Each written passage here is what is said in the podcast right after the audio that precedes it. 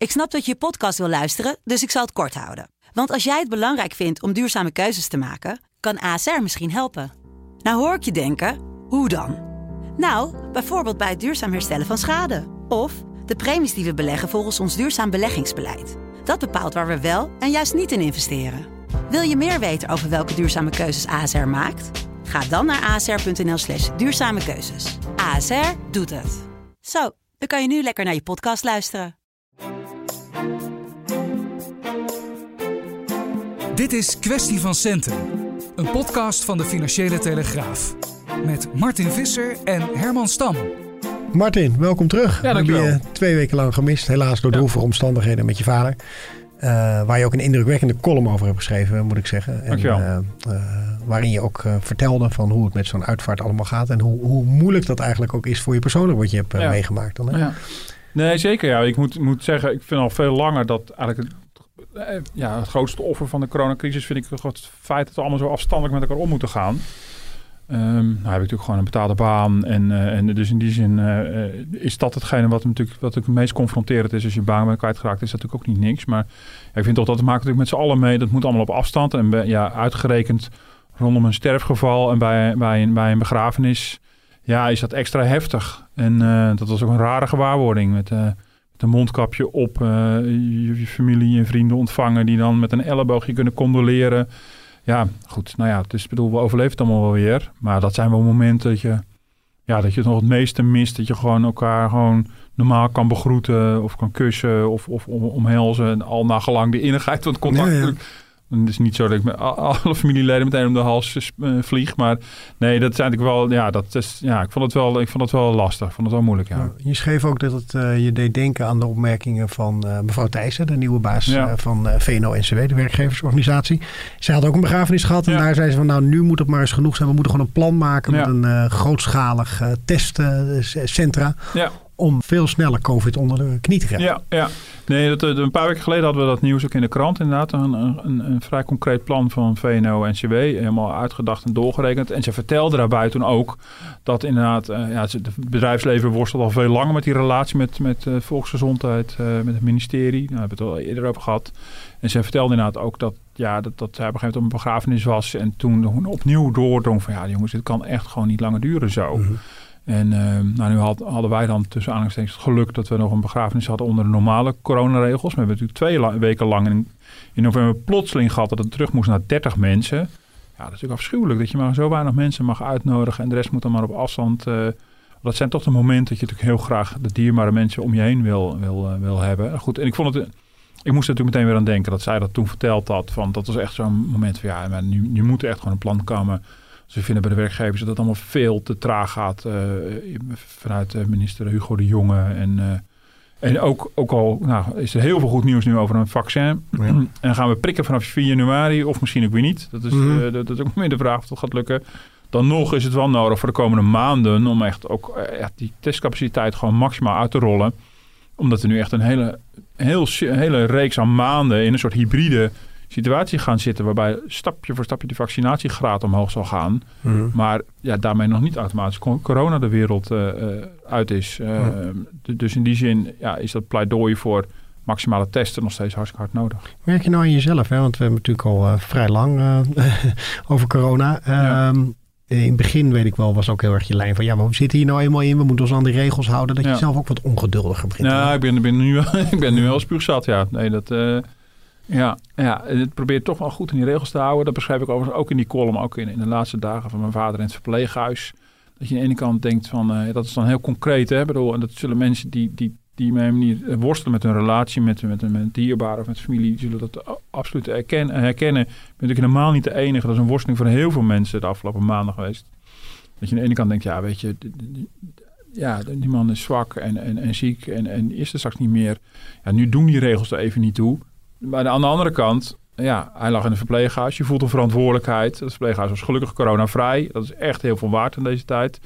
En je, ja, je, je houdt dan toch weer wel aan de regels om te voorkomen dat, dat, ja, dat iemand toch corona, of dat je zelf Mhm. misschien per ongeluk corona het verpleeghuis mee inneemt. Ja. Met gevolgen voor zo'n heel zo'n huis.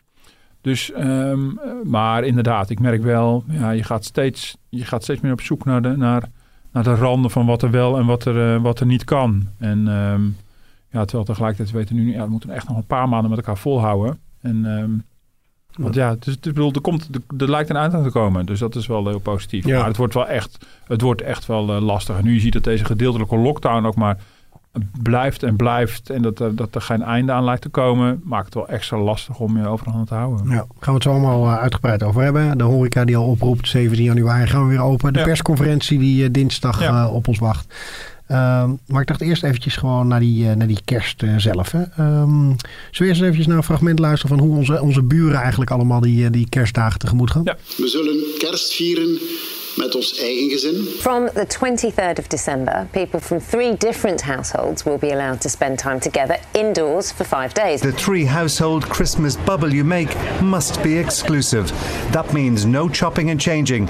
Your Christmas bubble must stay the same throughout. Weihnachten soll mit bis zu zehn Personen plus Kindern möglich sein, ohne Haushaltsbegrenzung. Bis zu zehn Menschen aus mehreren Haushalten dürfen die Feiertage miteinander verbringen. Nou, wij kunnen al een beetje oefenen met Sinterklaas. Hè. Dat gaat dan nog eh, behoorlijk eh, beperkt. Maar dinsdag horen we dan of we eventueel wat meer ruimte zelf gaan krijgen. Ja. Zie je, zie je Ja. voor je dat wij ook eh, nou ja, de, de een van die voorbeelden gaan volgen zoals België of Nou, dat zou heel goed kunnen. Het, eh, het OMT, eh, het Outbreak Management Team, heeft al, al eigenlijk al vrij vroeg in november al eh eerste voorzet gegeven.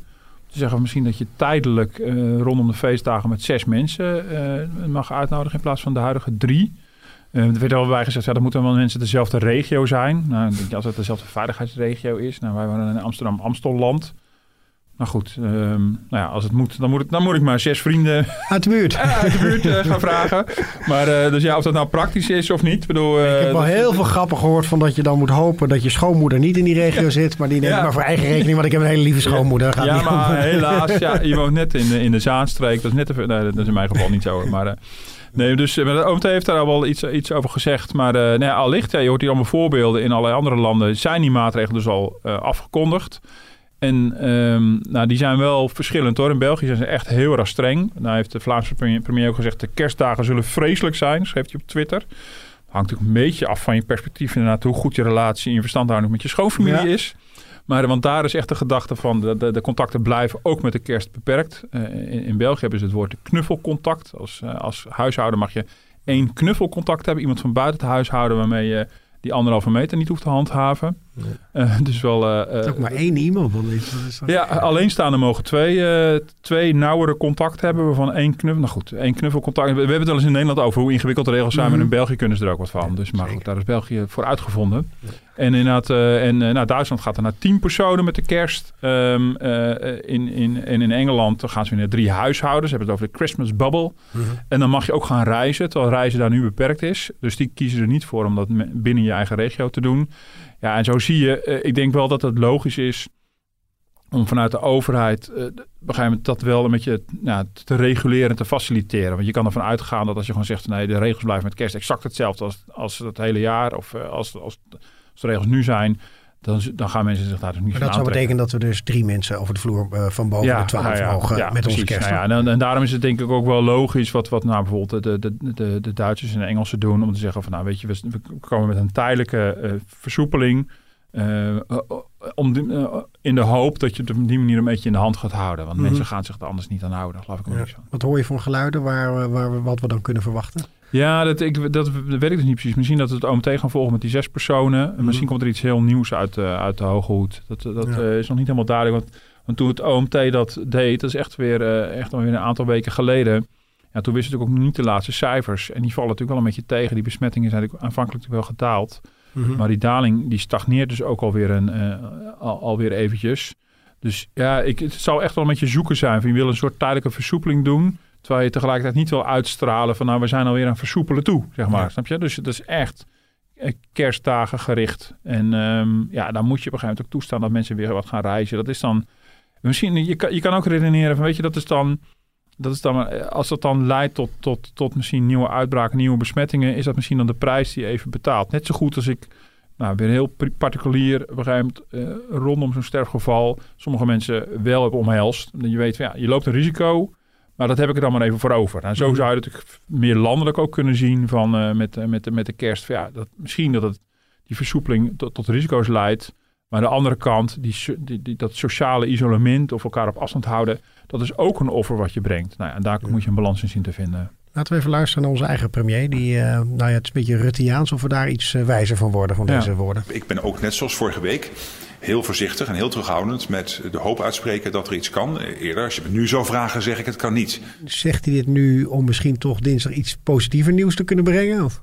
Nou ja, hij zegt natuurlijk van ja, eh, als het meetmoment nu zou zijn, dan, dan verandert er niks. Maar eh, in ieder geval niet aan de eh, gedeeltelijke lockdown. Dit laat nog alle ruimte om wel iets, iets speciaals voor de kerst te doen. Hoor. Ik bedoel, eh, ehm, eh, maar dus, ja, het is, het is natuurlijk duidelijk, die, die cijfers die vallen natuurlijk tegen. Hè. Kijk, Hugo de Jonge heeft natuurlijk wel volgens mij voor het eerst hele, hele concrete cijfers genoemd over ehm, eh, eh, wat het aantal besmettingen moet zijn, en tot hoever het gedaald moet zijn, willen ze overgaan tot een, een tijdelijke versoepeling. Eh, kijk, de, de, ho- de hoofdlijn is eh, dat die routekaart, die inmiddels overigens weer in de prullenbak ligt, want er komt een nieuwe routekaart. Maar goed, we, we hebben nog zo- we hebben nog zo'n ding.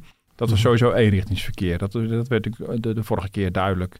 Je kan alleen maar eh, eh, strenger worden en je wordt pas soepeler als je helemaal terug zit bij het begin. Bij, eh, bij dat, dat corona min of meer onder controle is. Je gaat dus niet stap voor stap terug. Behalve dan dat ze hebben gezegd van nou, we willen wel kijken. Dat zou dan bijvoorbeeld voor de restaurants kunnen gelden. Of richting half december toch iets meer ruimte bieden. Dat is dan ook gericht op de kerstdagen. Dus het gaat niet om de huissituatie, maar ook echt misschien om delen van de horeca. Maar dan moest het aantal besmettingen naar 3600 per dag. En het aantal IC-opnames naar 10. Ja, die 3600, daar zitten we gewoon nog ruim boven. Het, het schommelt erg de afgelopen, de afgelopen twee weken. Waar zit jouw verklaring in dat het te weinig daalt? Buiten Nou, dat is, dat is niet zo. Dat is niet heel erg eenduidig. Ik bedoel, ehm, eh, er- er zijn verschillende verklaringen die niet allemaal sluitende, eh, sluitend zijn, zeg maar. En een van de dingen is dat we geprofiteerd hebben van de herfstvakantie. Ehm, dat, met de, het- dat toen de scholen dicht waren, dat heeft ook, ook geholpen in reisbewegingen. Middelbare scholen zijn wel degelijk ook een onderdeel van, eh, van de besmettingsbronnen. Ja. Dat wordt een beetje weggemoffeld, ook, ook door het RIVM eh, en, en in het, in het bronnencontactonderzoek eh, blijkt dus dat middelbare scholieren hele soepele regels krijgen als het gaat om quarantaine en dergelijke. Maar het is ook wel duidelijk middelbare scholen daar een rol in spelen. Overigens is dat niet meteen ook een reden om die scholen te sluiten, want er zijn hele andere overwegingen om die scholen wel gewoon keurig open te houden. Ehm, dus die herfstvakantie kan daar een, eh, een rol in spelen. Maar die is, dat, dat verklaart niet 100%. Je ziet ook wel dat, ehm, ja, we hadden het over eh, of mensen het zat zijn. Ja, voor mij zijn heel veel mensen het zat. Eh, dat bijvoorbeeld in de reisbewegingen, ehm, ja, die zijn lang niet zo drastisch teruggedrongen als bij de eerste lockdown. Mhm. Veel minder. Ehm, dus dat zou, eh, dat zou mogelijk ook eh, een deel van de verklaring eh, kunnen zijn. Maar er is niet één specifiek ding aan te wijzen en daar komt het door. Ik heb van begin af aan wel verbaasd van hoe zou je nu met een veel softere lockdown dan in het voorjaar... met, met tegelijkertijd een minder gevoel van urgentie en minder, minder een noodzaak voelen bij mensen om zich er helemaal aan te houden... eh, eenzelfde effect kunnen bereiken als bij die vorige lockdown. Dat leek me al ingewikkeld. Mhm. En Dus ik was eerlijk gezegd verbaasd dat op een gegeven moment toch die besmettingen omlaag eh, gingen. En zou je niet kunnen zeggen van joh, als die geluiden er zijn, eh, dat 4 januari al wordt gebruikt om te gaan inenten. Van joh, het geeft niet als het nu ietsje weer oploopt. Ja, dat zou je, dan, dan hangt een beetje vanaf hoe snel, je, hoe snel je dat vaccinatieprogramma kan uitrollen.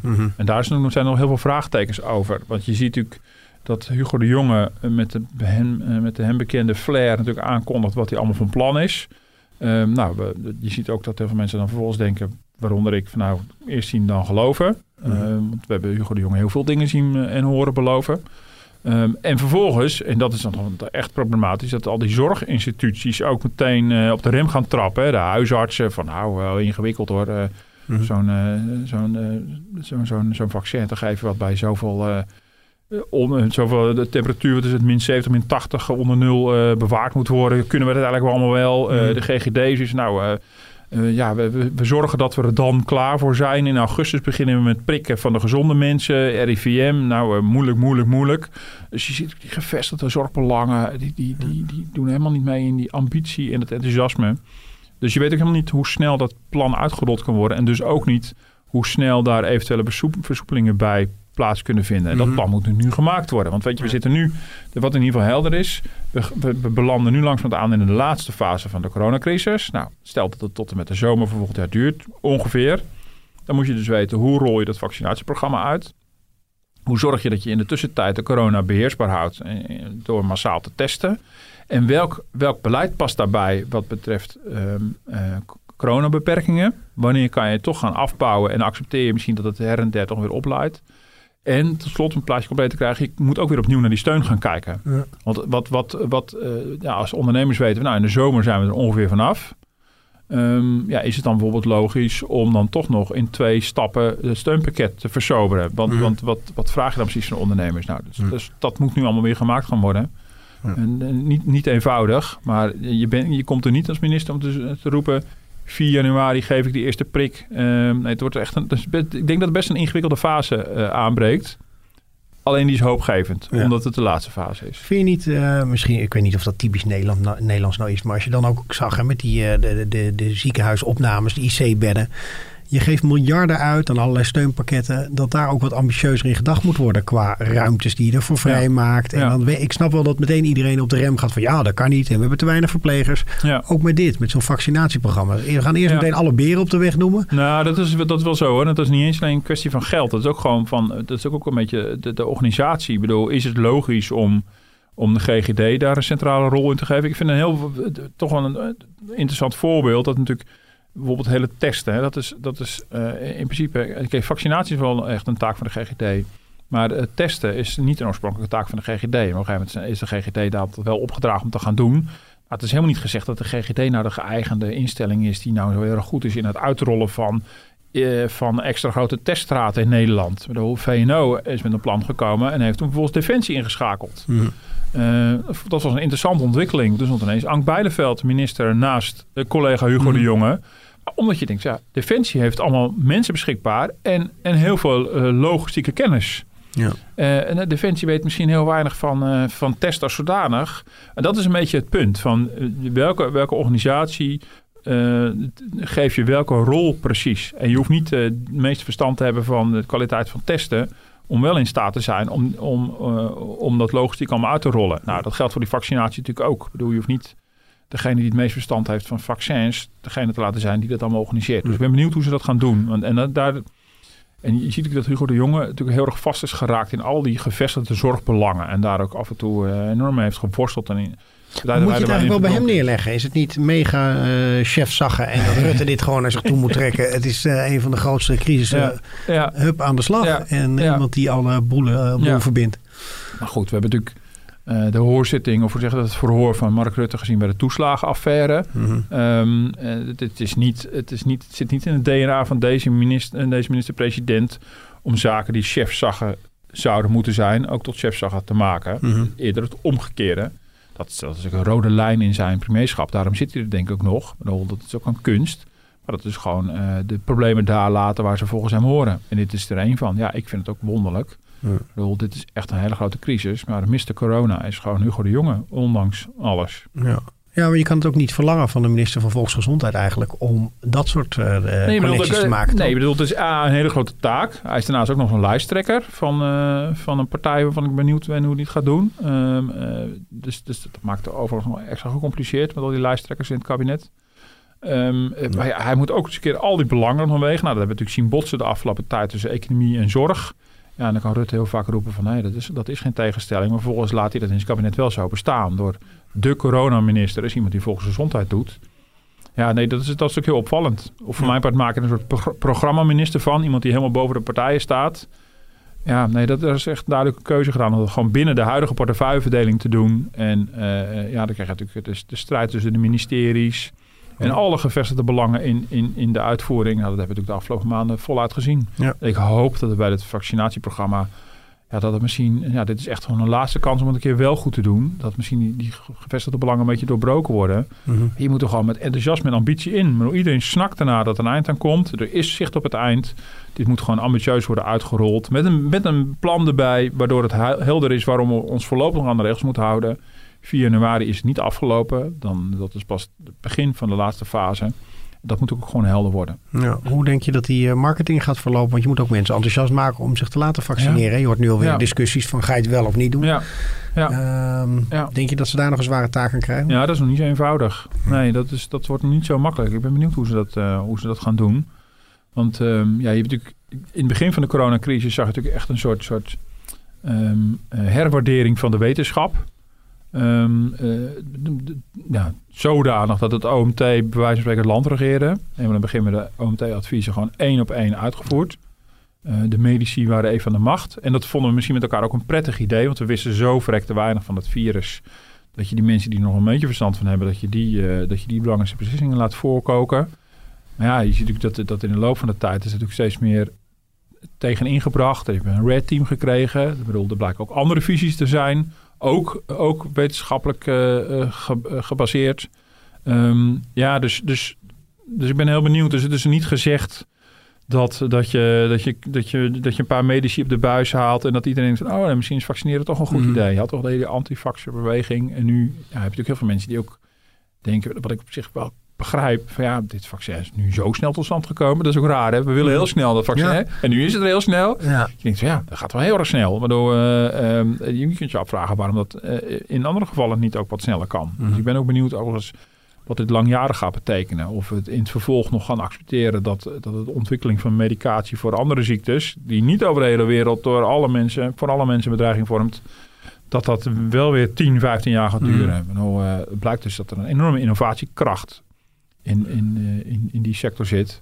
Ja. Ehm, ja, en hoe ze dat dan, hoe ze mensen over de streep gaan trekken. Ik ben benieuwd. En hoe belangrijk is het uiteindelijk voor je economie? Want je ziet nu in Groot-Brittannië, daar is, die, eh, daar is uh, de, de, goedkeuring geweest. Ja. Uh, daar ga je natuurlijk ook naar kijken van, hé, hey, die komen weer veel sneller. Hun economie gaat weer veel sneller lopen. Zo, Zo'n soort race voor ons is dat uh, die economie is helemaal naar de Filistijnen natuurlijk. Ik bedoel, die, die hebben hmm. zo'n onwaarschijnlijke optaten gekregen. En Boris Johnson gebruikt, vermoed ik die, dat, dat, dat versnelde vaccineren ook een beetje in zijn hele Brexit-verhaal. Uh, van uh, ja, wij kunnen lekker uh, los van de ja. EU. je hebt die EMA niet meer nodig die in Amsterdam nee, staat. Precies, we kunnen alvast lekker gaan spuiten. Nou, mm -hmm. hartstikke leuk.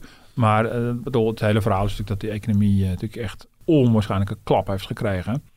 En um, ja, nee, maar al, allicht dat het, dat het effect heeft hoe sneller, niet alleen hoe sneller, maar ook gewoon hoe verstandiger en, en geolieder die, die vaccinatiemachine gaat draaien. Uh, hoe beter dat natuurlijk voor, voor je economie is. En we, we, hebben gezien in het derde kwartaal, er kwamen ongelooflijke goede uh, groeicijfers uit voor Nederland. Dat de veerkracht van de Nederlandse economie enorm is. Je ziet nu ook alle economische bureaus hun prognoses voor volgend jaar omhoog bijstellen. Dus dat betekent hoe eerder je eruit bent, hoe, hoe sneller de boel herstelt. En hoe, hoe eerder je ook de schade van deze coronacrisis weer hebt ingehaald. Ja. Uh, maar ondertussen heb je natuurlijk een hoop uh, gesteggel. Je hebt uh, Black Friday net weer gehad. Ja. de, de Sint-inkopen vinden plaats, de kerstinkopen en dan het vingerwijzen. De, de, denk je dat het daar dan ook een einde aan komt? Want de, de horeca vindt natuurlijk weer van... hé, hey, dat willen wij ook.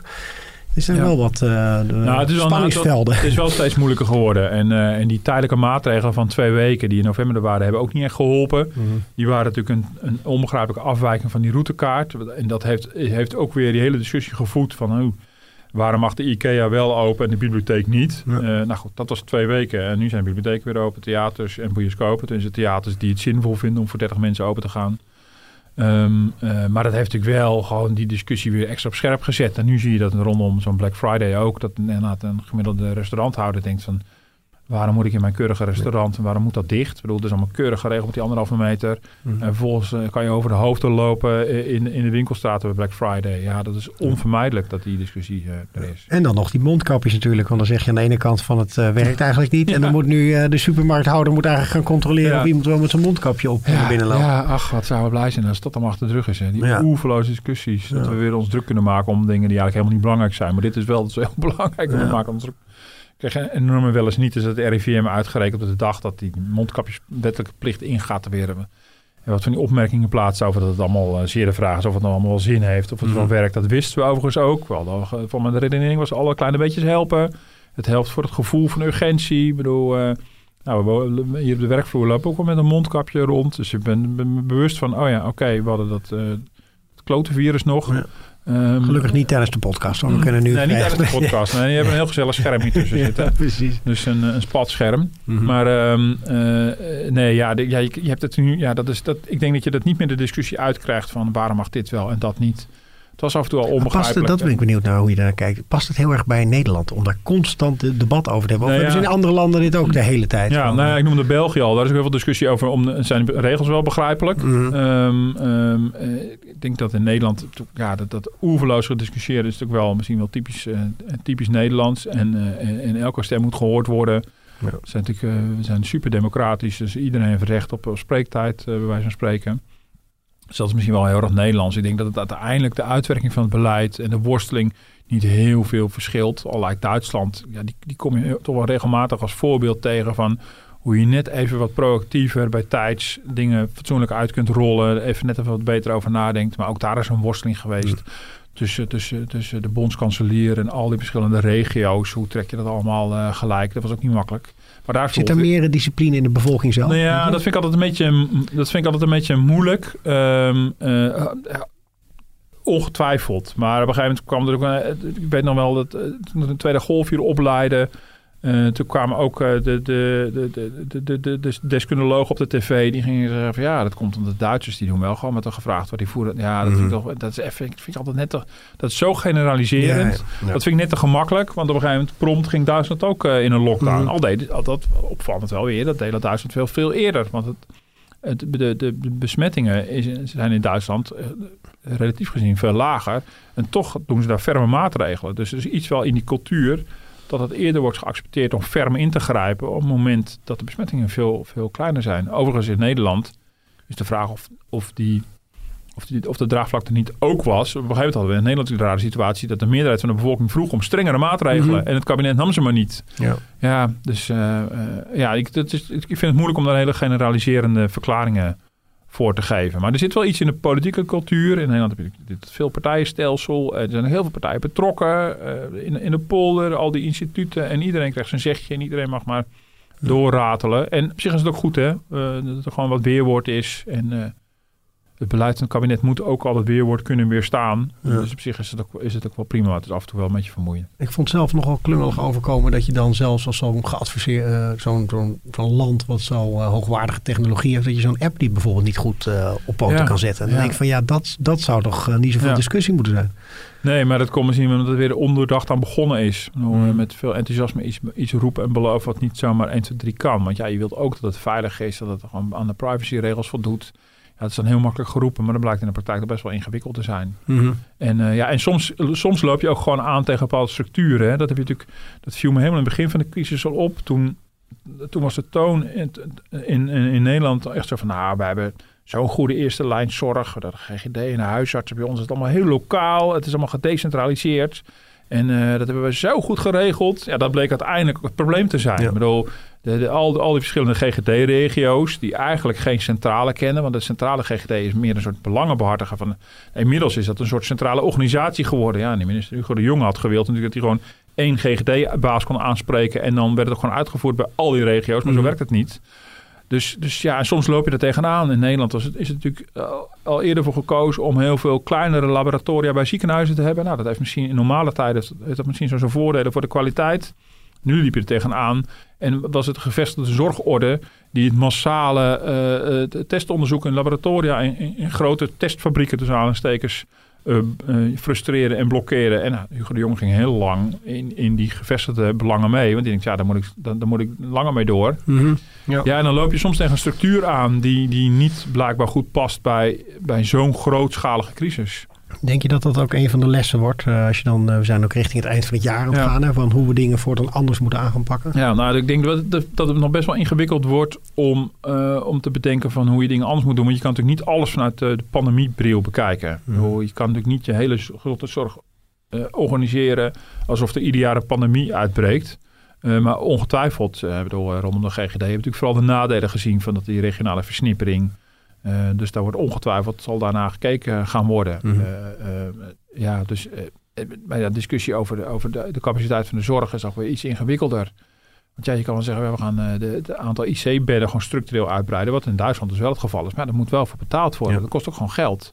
En dan zou je natuurlijk zien, als, als dat al gaat gebeuren. Even los van de vraag of je de bemensing eh, rondkrijgt. Maar als het gaat gebeuren, betekent dat je dan jaar na jaar na jaar daarvoor betaalt. het eigenlijk niet nodig hebt. Er komt Ja. er ongetwijfeld een moment Precies. Dat ergens een kabinet zegt... ja, hallo, wat is dat een gek gedoe? Eh hup, eh, het Daar kunnen we weer wat op bezuinigen. bezuinigen. Ja, ja, ja. en dan je, heb je dus, het weer nodig. eh, ja. En, ja, en dat is in Duitsland heeft er blijkbaar een andere achtergrond gehad. En, en was de capaciteit er wel. En dat voelt nu echt heel wrang. Dat wij dus ja, op de hoogtepunten van die crisis een beroep moesten doen op, op de capaciteit in Duitsland. Ja. Hey, even specifiek naar de horeca toe. Hè. Die geluiden, we hadden het al even over eh, 17 januari willen sommige hore- Ja. horecazaken gewoon open. Van nou, we hebben het geen geduld meer. Ehm, wat verwacht je nou voor hun ook op dinsdag? Krijgen ze nog weer een pakket aangeboden van joh, hou je nog even rustig. We gaan Ja. wat extra geld voor je zoeken. Ja, nou, er is wel een heftige discussie gaande over, eh, over een horeca of er extra steun voor moet komen. En tot nu toe is het kabinet heel voorzichtig geweest met specifieke steun voor, eh, voor branches. Her en der is dat wel degelijk gebeurd. Ehm, eh, dus ze proberen zoveel mogelijk op te vangen met, de- met de generieke steunmaatregelen. Eh, er is nog wel volop discussie. De afgelopen ehm, week, ehm, even kijken, dat was eh, dinsdag geloof ik, op woensdag, nog, dat doet er niet veel toe. Maar de, eerste helft van de week is er weer overleg geweest tussen werkgevers, vakbonden met het kabinet. Eh, dat heeft nog niet tot een resultaat geleid, maar dat, dat zit er toch wel aan te komen dat er, dat er iets gaat veranderen in de steunpakketten. Nou, of het echt een specifiek horecapakket komt, dat, dat, dat, ik heb de indruk van niet. Maar goed, het zou, het zou eventueel kunnen met de gedachte van, nou weet je, we zijn er toch bijna. Voor die laatste maanden kan het misschien nog. Ehm, maar er wordt, er wordt wel weer gekeken naar A, moeten die versoberingen wel doorgaan? Nou, eh, Erik Wiebes, minister Economische Zaken, heeft al eh, nou, bijna expliciet gezegd dat, dat versoberen van de steun per 1 januari misschien niet zo'n goed idee is. Nou, dus, dus het is zo goed als zeker die versoberingen eraan gaan per 1 januari. Dus dan blijft gewoon het huidige steunpakket overeind. En je zou ervoor kunnen kiezen, ook omdat je weet dat het eindig is en je de budgettaire gevolgen veel beter kan overzien, om misschien bijvoorbeeld de tegemoetkoming voor de vaste lasten wat te verhogen. Mhm. Dat zou een, mogelijkheid kunnen zijn. En dan hoop je dat je de horecaondernemers weer terug in een hok krijgt. Want ja, eh, die revolutie die nu gaande is, ja, die wil je natuurlijk niet eh, als, als kabinet. Ja. Ik hoorde je ook, eh, volgens mij had je dat ook in een column geschreven, dat er ook gewoon discussie is van ja, we kunnen ze wel helpen, maar er is gewoon sowieso heel veel verloop in die horecazaken. Dus eh, Ja. weet je wel, eh, dat hoort nou eenmaal bij horecaondernemer dat er weer opeens een nieuwe Ja. in die zaak zit. Ja, Wordt, er, op- wordt er op dat niveau gesproken in het kabinet? Nou, wat, wat je natuurlijk wel, eh, wat je inderdaad wel eh, merkt, is dat natuurlijk gekeken wordt van wat zijn nou de, de, de economische effecten, de macro-economische effecten voor de langere termijn. En dan wordt natuurlijk wel degelijk gekeken van welke sectoren worden geraakt. En dan is het, ja, dan is het dus een hard gelach voor die horecaondernemer. Maar de redenering is wat wij horen, is toch wel van ja. Kijk, als op een gegeven moment, stel dat het zo was geweest dat allerlei eh, hoogwaardige industrie op een gegeven moment echt kaart worden geraakt. Dus ook, ook gewoon echt sectoren waar hoog opgeleid personeel werkt. Eh, mensen die, eh, die je niet op straat wil laten zetten, omdat je dan echt enorme permanente schade gaat krijgen. Ja, dan, dan is het dat is echt een soort signaal van het kabinet. Nu moeten we echt meer gaan doen. Maar zolang als het vooral de horeca treft, denken ze dat ze met huidige steunmaatregelen uit kunnen. En inderdaad, is, ja, is dan macro-economisch gezien de gedachte, ja, de, de- het verloop in de horeca is normaliter ook heel groot. Hm. Kroegen komen, kroegen gaan en eh, ehm, eh, restaurants idem dito.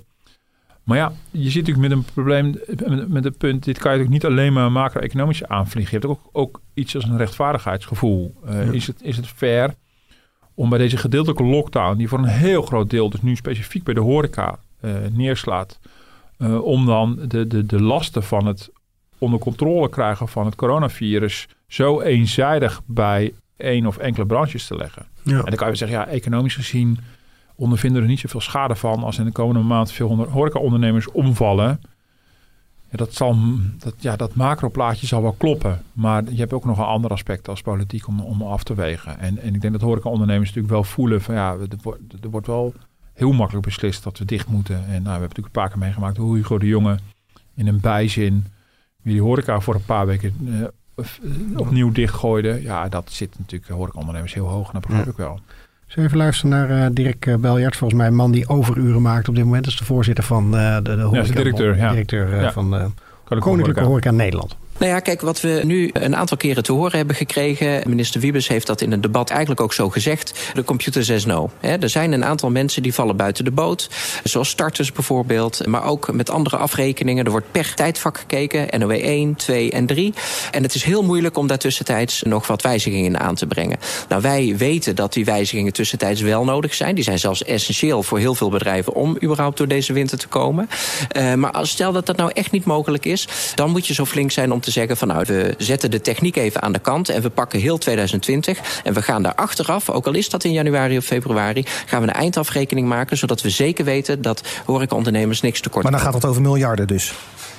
Uh, dat zou in totaal uh, uiteindelijk over miljarden kunnen gaan. Ja, het gaat over miljarden, maar uh, zie je dat ook zitten, dat plan over de eindafrekening? Ja, kijk, wat ze natuurlijk het voortdurend hebben gedaan, is ook steeds wijs op de gaten die nog steeds zitten in de regelingen. Ja, op een gegeven moment, het is ook weer begrijpelijk vanuit het kabinet. Op een gegeven moment heb je gewoon een regeling opgetuigd en dan doe je, het is allemaal gebaseerd op omzetdalingen. Dus de omzetdervingen, dan moet je natuurlijk relateren aan de voorgaande periode. Dus dan ga je soms bedrijven verliezen. Als je een bedrijf hebt wat, wat heel duidelijk bepaalde seizoenseffecten hebt, kan, kan, je soms hele rare dingen krijgen. Voor een starter is het ingewikkeld en ik begrijp het op zich ook wel. Um, ja, kijk, kijk, kijk Koninklijke Horeca is van, van meet af aan heel vocaal geweest. In, in, een hele stevige lobby, af en toe een beetje te, vond ik eerlijk gezegd. Mm -hmm. Rechtszaken gedaan en uh, ze, ze, hadden soms wel een hele grote mond. Maar nu je inderdaad ziet dat in deze lockdown, ja, ze natuurlijk echt ja, relatief echt heel zwaar getroffen worden vergeleken met andere branches, begrijp ik het zeker wel. Ja, wat zij zoeken gewoon allerlei manieren en mogelijkheden om die, om die omzetten zoveel als mogelijk is gecompenseerd te krijgen. Ja, ik weet niet, ik weet niet precies hoe, hoe Beljaards, de directeur van, van de Koninklijke Horeca, dit precies voorstelt. Ik kan me niet voorstellen dat horecabedrijven aan het eind van het jaar allemaal één voor één helemaal doorgelicht gaan worden door de overheid. En dat je, dat je tot op de cent alles gecompenseerd krijgt. Mm. Zo, zal het, zo zal het niet gaan werken. Maar ze, ze proberen, ze, ze lanceren elk plan en elk idee om, om de regelingen uitgebreid te krijgen. Dan wel generiek, dan wel voor de horeca. Mm-hmm. Ja, dat snap ik. En daar zijn ze, daar zijn ze ook voor. Het is een lobbyclub. En ja. uh, daar zijn ze ook voor. En je ziet wel, er is wel, ja, er is wel gevoeligheid bij het kabinet op zichzelf voor die lobby. Want ze voelen het ook wel aan. Wat ik ook wel een aspect nog vind is, wat natuurlijk over de economische kant. En dat heb je natuurlijk, maar je moet ook niet, moet ook niet vergeten, de horeca heeft natuurlijk ook een sociaal aspect. Uh, bedoel, we hebben het over met hoeveel mensen mag je met elkaar in huis zijn. Maar bedoel, met elkaar naar de kroeg of uh, uit eten. Dat is echt een onderdeel van het sociale verkeer. Dat ben je ook allemaal kwijt. Hè? Het viel me op, uh, op een gegeven moment, tijdens de lockdown was op een gegeven moment het gezin nog even een paar dagen weg, vlak bij Leiden. En toen was net, was net de horeca gesloten. Als je nou zo'n stad dan loopt, dat heb je in alle plaatsen heb je dat. Hoe doods een stad wordt mm. als de horeca. En dat is precies natuurlijk de bedoeling. Bedoel, dat begrijp ik ook. Ja. Maar je snapt ook van ja, dit, dit, dit wil je natuurlijk liever niet week na week na week na week blijven volhouden. Want ik bedoel, je haalt ook echt het jeu uit het leven weg. En dat aspect heb je ook nog eens een keer. Ja. Dus, en dat is ja, voor het kabinet ingewikkeld. En ik, soms krijg ik het gevoel dat we nu ook een beetje de prijs betalen voor die halfslachtige lockdown die te laat is ingezet. En uh, ja, ja, en nu, wat moet je nu? nu? Nu zijn de cijfers niet goed genoeg om te versoepelen. Ze zijn niet slecht genoeg om, om, om strenger te maken. Ja, dan denk je, ja, hoe lang blijven we dan in deze halfslachtige lockdown hangen? Ja, en dan denken hoor ik ondernemers, ja, maar wat zitten we... Waarom draaien wij, wij overal nu ineens voorop? Dat is het gevoel wat ze hebben. En dat begrijp ik op zichzelf wel. En dat is het gevoel waarschijnlijk ook wat we dinsdag gaan krijgen na die persconferentie. Ja, en daar moet natuurlijk zo van de woorden over worden gesproken. Ja. En daar moet misschien iets tegenover staan. Kijk, en weet je, ik wil toch nog één keer benadrukken. De, de steun is echt heel genereus. Maar het is natuurlijk nooit 100%. Dat betekent dat als jouw zaak dicht is, dat je gewoon continu blijft interen op je eigen vermogen. Dat zijn mensen die hebben spaargeld, uh, is misschien deel, gedeeltelijk hun pensioen. Mm. Uh, die teren daarop in en denken van nou, misschien mogen we twee weken open. Dus het heeft wel zin om nog een keer privégeld erin te stoppen en nog een keer privégeld erin te stoppen.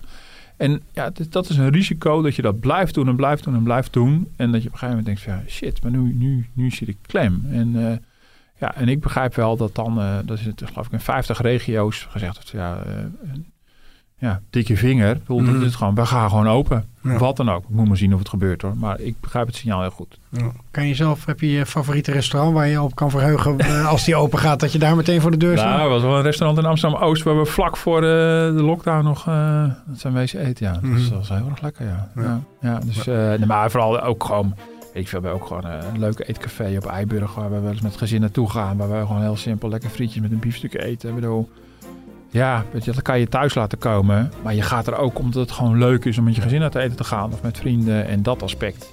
Ja, dat mis je nu ook. Er zijn wel uh, vrienden of, of oud-collega's waar je, weet ik veel, één of twee keer per jaar een etenspraak mee hebt. Mm. Ja, dat is toch, ja, dat, dat valt ook allemaal weg. Dat is het sociale aspect. Dus in die zin, uh, nou ja, moet nog even uitzitten. Maar dat willen we allemaal toch wel weer terug. Uh, en dan zijn we weer hard op weg naar het oude normaal, wat mij betreft. Hopelijk. Nou, uh, dinsdag allemaal weer voor de buis. Ja. Dankjewel. Goed dat je weer uh, onder ons was. Ja. De, heel fijn.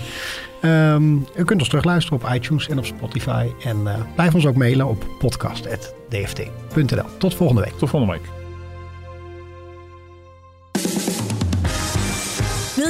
Podcast luisteren? Probeer dan ook eens afhameren met Wouter de Winter. Zodra er ook maar enige reden is om in te grijpen, dat zei Jesse Klaver ook gisteren, dan moet er gelijk worden Ja, als er maar de kleinste aanleiding is, de dan... kleinste eh, ja. aanleiding. Jesse Klaver zit er bovenop. Ja, weet je, alsof ze eh, druif aan het eten zijn in de ministerraad elke dag op, op een chaise longue. En dan denken ze, nou ja, weet je wat, we laten we wachten tot, tot Jesse Klaver wakker wordt, dan komen we eens in actie. Zo werkt het natuurlijk niet. Een podcast van de Telegraaf met het laatste politieke nieuws. Als het rustig blijft rond het Koningshuis de komende jaren, dan ebt dit weg. Als het nou over twee maanden weer bal is, over een half jaar weer bal is, of in, in juli of zo. De wintersport in leg misschien dan, hè? Nou, dat, dat, dat soort dingen zijn, zijn kwetsbaar. Ja. Elke vrijdag een nieuwe aflevering. Te beluisteren op de site of in de app van de Telegraaf of via je eigen favoriete podcastplayer.